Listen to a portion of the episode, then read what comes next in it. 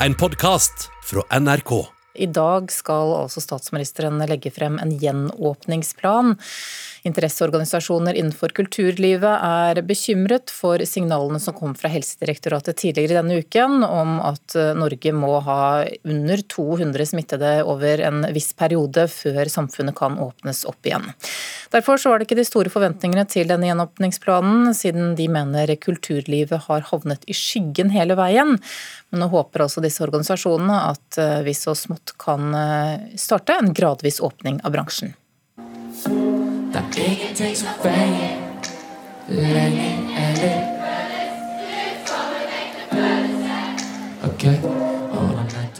Savner du også å dra på konserter?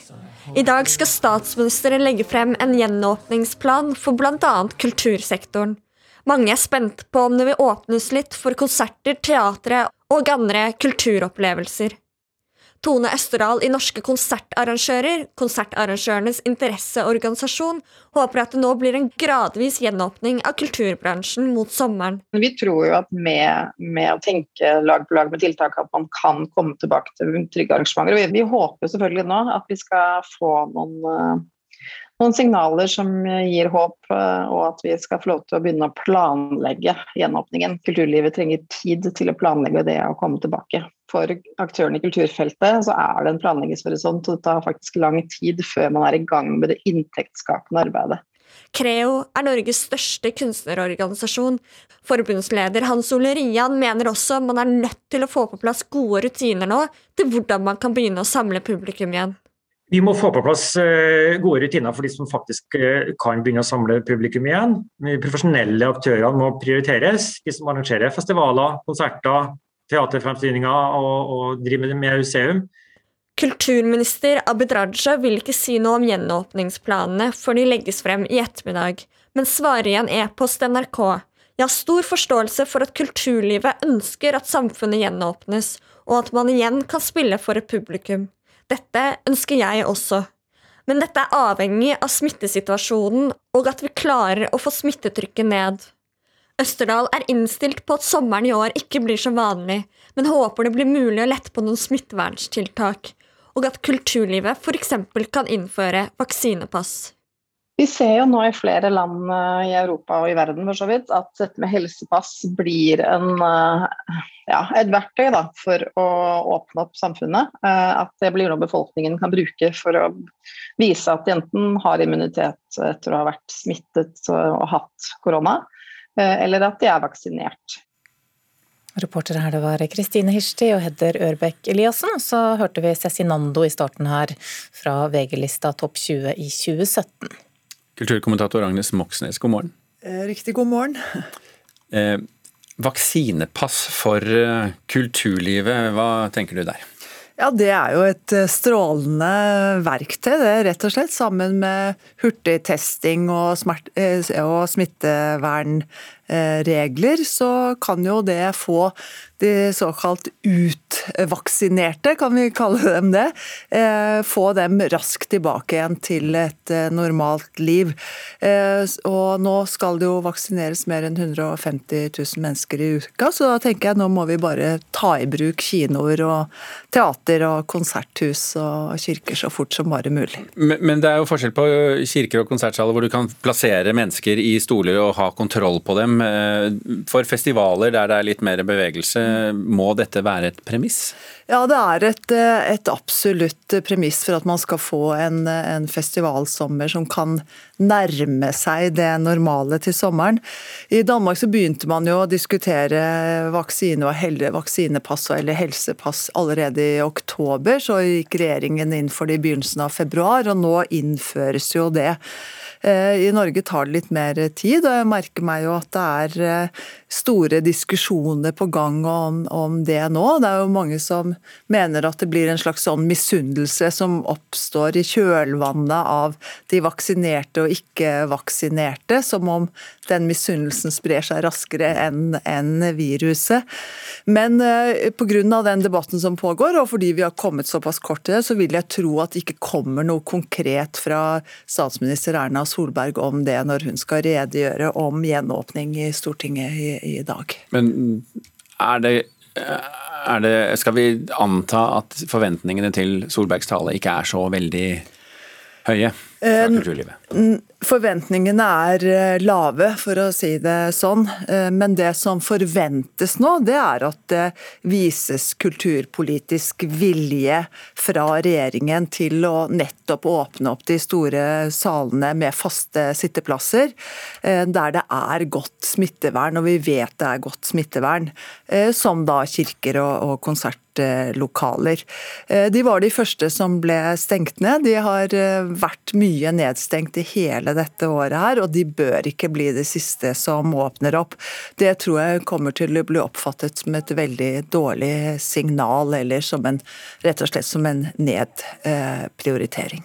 Men du, Jeg har hørt, hørt, nyss om eh, at det foregår en slags sånn laboratorievirksomhet i utlandet for å sjekke ut om vaksinepass og hurtigtesting fungerer når det skal arrangeres festivaler. Men har vi fått noen resultater fra den laboratorievirksomheten? Nei, altså Det har det vært både i Nederland, flere store festivaler. Har vært i Tyskland nå i slutten av påsken i, Barcelona.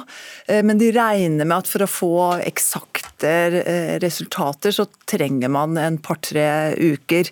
Men jeg så i en nederlandsk avis i går at man hadde et tall på at av 6000 som slapp inn på slike festivaler, eh, så ble det meldt om fem-seks smittede. Men ennå så vet man ikke sikkert om de ble smittet på festival, festivalene eller, eller, utenfor. Men dette følges jo med stor spenning, bl.a. også av kulturministeren. Han skulle kommet med signaler om gjenåpning av festivalsommeren og kulturlivet nå rett etter påske, altså i disse dager. Eh, men det virker jo som det er utsatt, iallfall da i påvente av dagens runde i Stortinget. Mm, da får vi ta den først, og så får vi se etter hvert. Agnes Moxnes, kulturkommentator, takk skal du ha. This year we are heading to The Hague, where I'm delighted that we'll be joined by 20 nations for 2020, as Belgium and the Republic of Korea join the Invictus family. In 2022, the Invictus Games will travel to a new country, a new home for respect for our armed forces. I fjor høst ble det kjent at eh, prins Harry og hertuginne Meghan hadde inngått et samarbeid med strømmegiganten Netflix verdt flere millioner dollar. Avtalen gjør at hertugparet binder seg til strømmetjenesten i flere år fremover. Og det vi hørte her, det er også eh, annonsen holdt jeg på å si, fra Netflix eh, om deres første prosjekt, som vi hørte litt lyd av. Kulturreporter Jonathan Gåthaug Nilsen, hva kan du si om dette samarbeidsprosjektet? Ja, nei, Serien skal jo hete Heart of Invictus. Eh, og i serien som er laget av altså, produksjonsselskapet bak Carrie og Meghan, da, som heter Archwell Productions, så skal vi få følge en eh, gruppe ekstraordinære utøvere som eh, forbereder seg da, til eh, Invictus Games i Haag 2022. Invictus Games, hva er det for noe? Det er eh, et internasjonalt sportsarrangement som prins Harry sjøl står bak, som samler da en gruppe med, med krigsveteraner som da har pådratt seg en skade, sykdom eller da handikap eh, i løpet av sin tjenesteperiode. Eh, og første Invictus Games ble arrangert i 2014. Men det er ikke sånn at Harry og Meghan skal regissere dette selv? Nei, de har hentet inn eh, to regissører. Orlando von Eitzendel og Joanna Natsegara fra Netflix som tidligere har lagd flere dokumentarer for dem. Vet vi noe, noe om hvorfor akkurat disse Invictus Games ble det første prosjektet for Meghan og Harry når de nå skulle samarbeide med Netflix? Mm. Nei, altså Invictus Games har jo, og fortsatt er, veldig viktig for hertugparet. Eh, og de eh, har sagt i ettertid at de er svært lykkelige da, over at det er nettopp det de skal få lov til å lage opp nå første gangen. Ok, Takk skal du ha, kulturreporter Jonathan Gåthaug Nilsen. Selvbiografien til Hunter Biden, yngste sønn av USAs president Joe Biden, den verdenslanseres denne uken. Alt det vakre heter den, og her forteller han åpenhjertig om rusmisbruk, den tragiske bilulykken som kostet både moren og søsteren livet, forholdet til den avdøde broren, og oppvekst i et tvers igjennom politisk eh, hjem. God morgen, Knut Hoem, litteraturkritiker her i NRK. God morgen. Sjokkerende Åpenhjertig skriver du i din anmeldelse som ligger på nrk.no. Eh, hva er det som er eh, sjokkerende? Ja, nei, Vi visste vel at Hunter Biden har hatt et rusproblem. Um, at han ikke fulgte farens råd om å holde seg unna alkohol, sånn som eh, broren gjorde, men at dette rusproblemet var så omfattende som det han skildrer i, den, i boken her, det hadde jeg aldri trodd.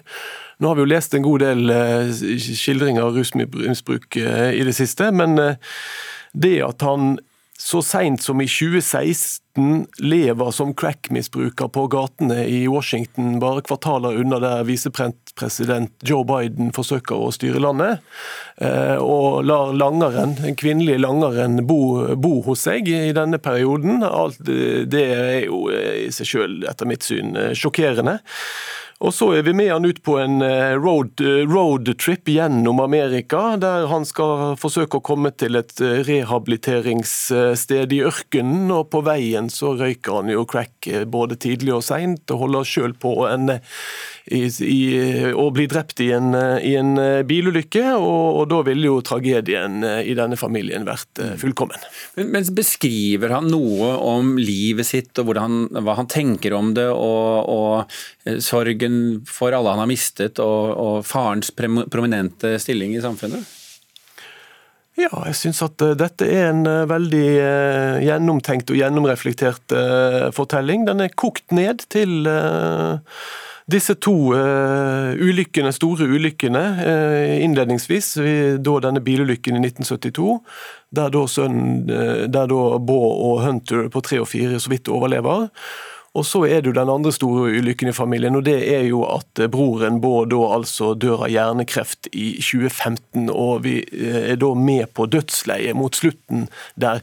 Men så er det også en skildring av oppveksten i Delaware, i dette gjennompolitiske hjemmet, i, dette, i denne Biden-klanen, og vi blir kjent med delstaten Delaware og eh, byen Wilmington med den store afroamerikanske befolkningen, og hvordan dette preget familien, og hvordan det gjorde Joe Biden til den politikeren han er. Og så er vi jo med disse to guttene på toget inn til Washington, og inn der de sitter da og, og, og opplever Capitol Hill på 70- og 80-tallet som de eneste barna som får lov til å slippe inn og være med. Og, og, og, den politiske kulturen som blir skildret der, står jo i voldsom kontrast til denne lange, uttrukne helvetesferden nedover, som jo Eh, denne boken etter hvert blir. Mm. Og så er det jo ikke til å komme bort fra at han er under etterforskning for eh, et styreverv han har hatt i, i et ukrainsk gasselskap. Og eh, han har fått masse kritikk for forretningsforbindelser til Kina osv. Hva sier han om det i boken?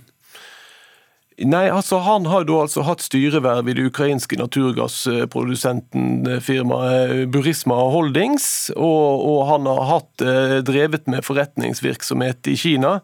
Det er jo ikke noe galt i å ha styreverv, mener Biden, men han mener jo også at dette var noe som han jo ikke burde tatt på seg, fordi han burde visst at eh, det å drive business i eh, Kina og i Ukraina, i, en, i, den politiske situasjonen som Amerika er i nå, med forholdet til Russland, eh, at det ville selvfølgelig kunne skape problemer for faren, noe det også har gjort. Mm, og Der kommer jo spørsmålet om USAs president Joe Biden og hvordan han har, han har jo vært åpen om sine kriser og sorger i livet, men hvordan har han taklet forholdet til Hunter?